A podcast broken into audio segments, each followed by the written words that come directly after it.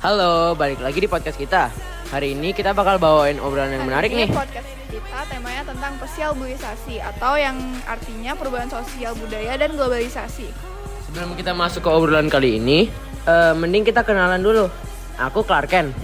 Aku Dinda. Oh ya, di sini kita juga nggak bakalan ngobrolin berdua aja. Kita juga ada special guest loh. Coba dong kenalin diri kalian. Hai semuanya, kenalin aku Nida.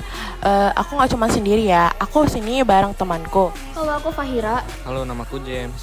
Oke, ayo langsung kita mulai. Langsung aja kita mulai. Nah, yang kayak kita yang kayak kita tahu, beberapa tahun lalu Indonesia pernah kena suatu wabah virus kan, namanya COVID-19. Pasti banyak banget di kehidupan kita yang berbeda dari sebelumnya. Pasti banyak banget kan yang berbeda. Di sini kita bakal nanya pada eh, sama kalian perubahan perubahan apa aja sih di kehidupan kalian yang kalian alami sebelum COVID dan sesudah COVID. Banyak banget sih yang berubah. Contohnya mulai dari sekolah. Yang biasanya kan kita belajar di sekolah itu normal kayak biasanya. Tapi semenjak ada COVID kita harus belajar dari rumah. Jujur menurut aku sendiri eh, belajar daring ini tuh ngebosenin banget dan juga ada beberapa materi yang biasanya aku nggak paham karena ke distract sama yang lain. Kalau kehidupanku sih selama covid yang berubah mungkin dari kegiatannya sebenarnya sama sih kayak yang Fakira bilang, apalagi pas pembelajaran PJOK yang biasanya kita olahraga dep- di lapangan panas-panasan, tapi karena daring kita jadi olahraga di depan laptop. Kan kocak juga ya dilihatnya olahraga sendiri di depan laptop. Iya bener, apalagi kalau misalnya ada kendala internet kan jadi yang ngelek-ngelek gitu. Kalau kamu gimana James?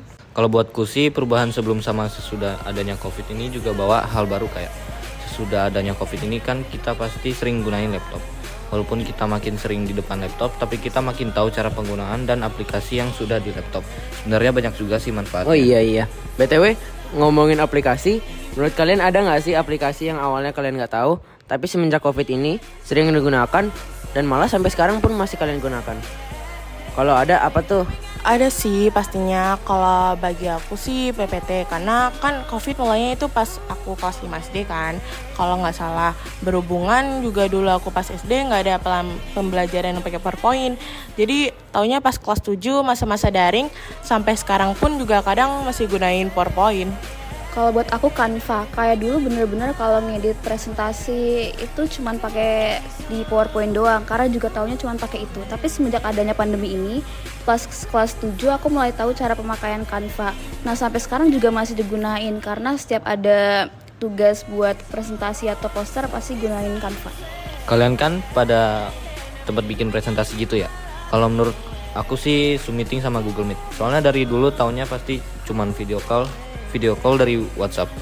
Cuman karena ada Covid jad- jadi pembelajaran pakai Zoom atau Google Meet.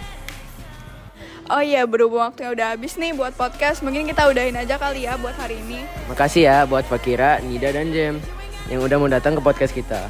Makasih juga ya udah ngundang kita ke podcast kalian. Semoga di podcast selanjutnya kita bisa ketemu lagi ya. Aku Clarken. Aku Dinda. Aku Fahira. Aku James. Aku Nida. Terima kasih ya semuanya sudah dengerin podcast kita. Bye.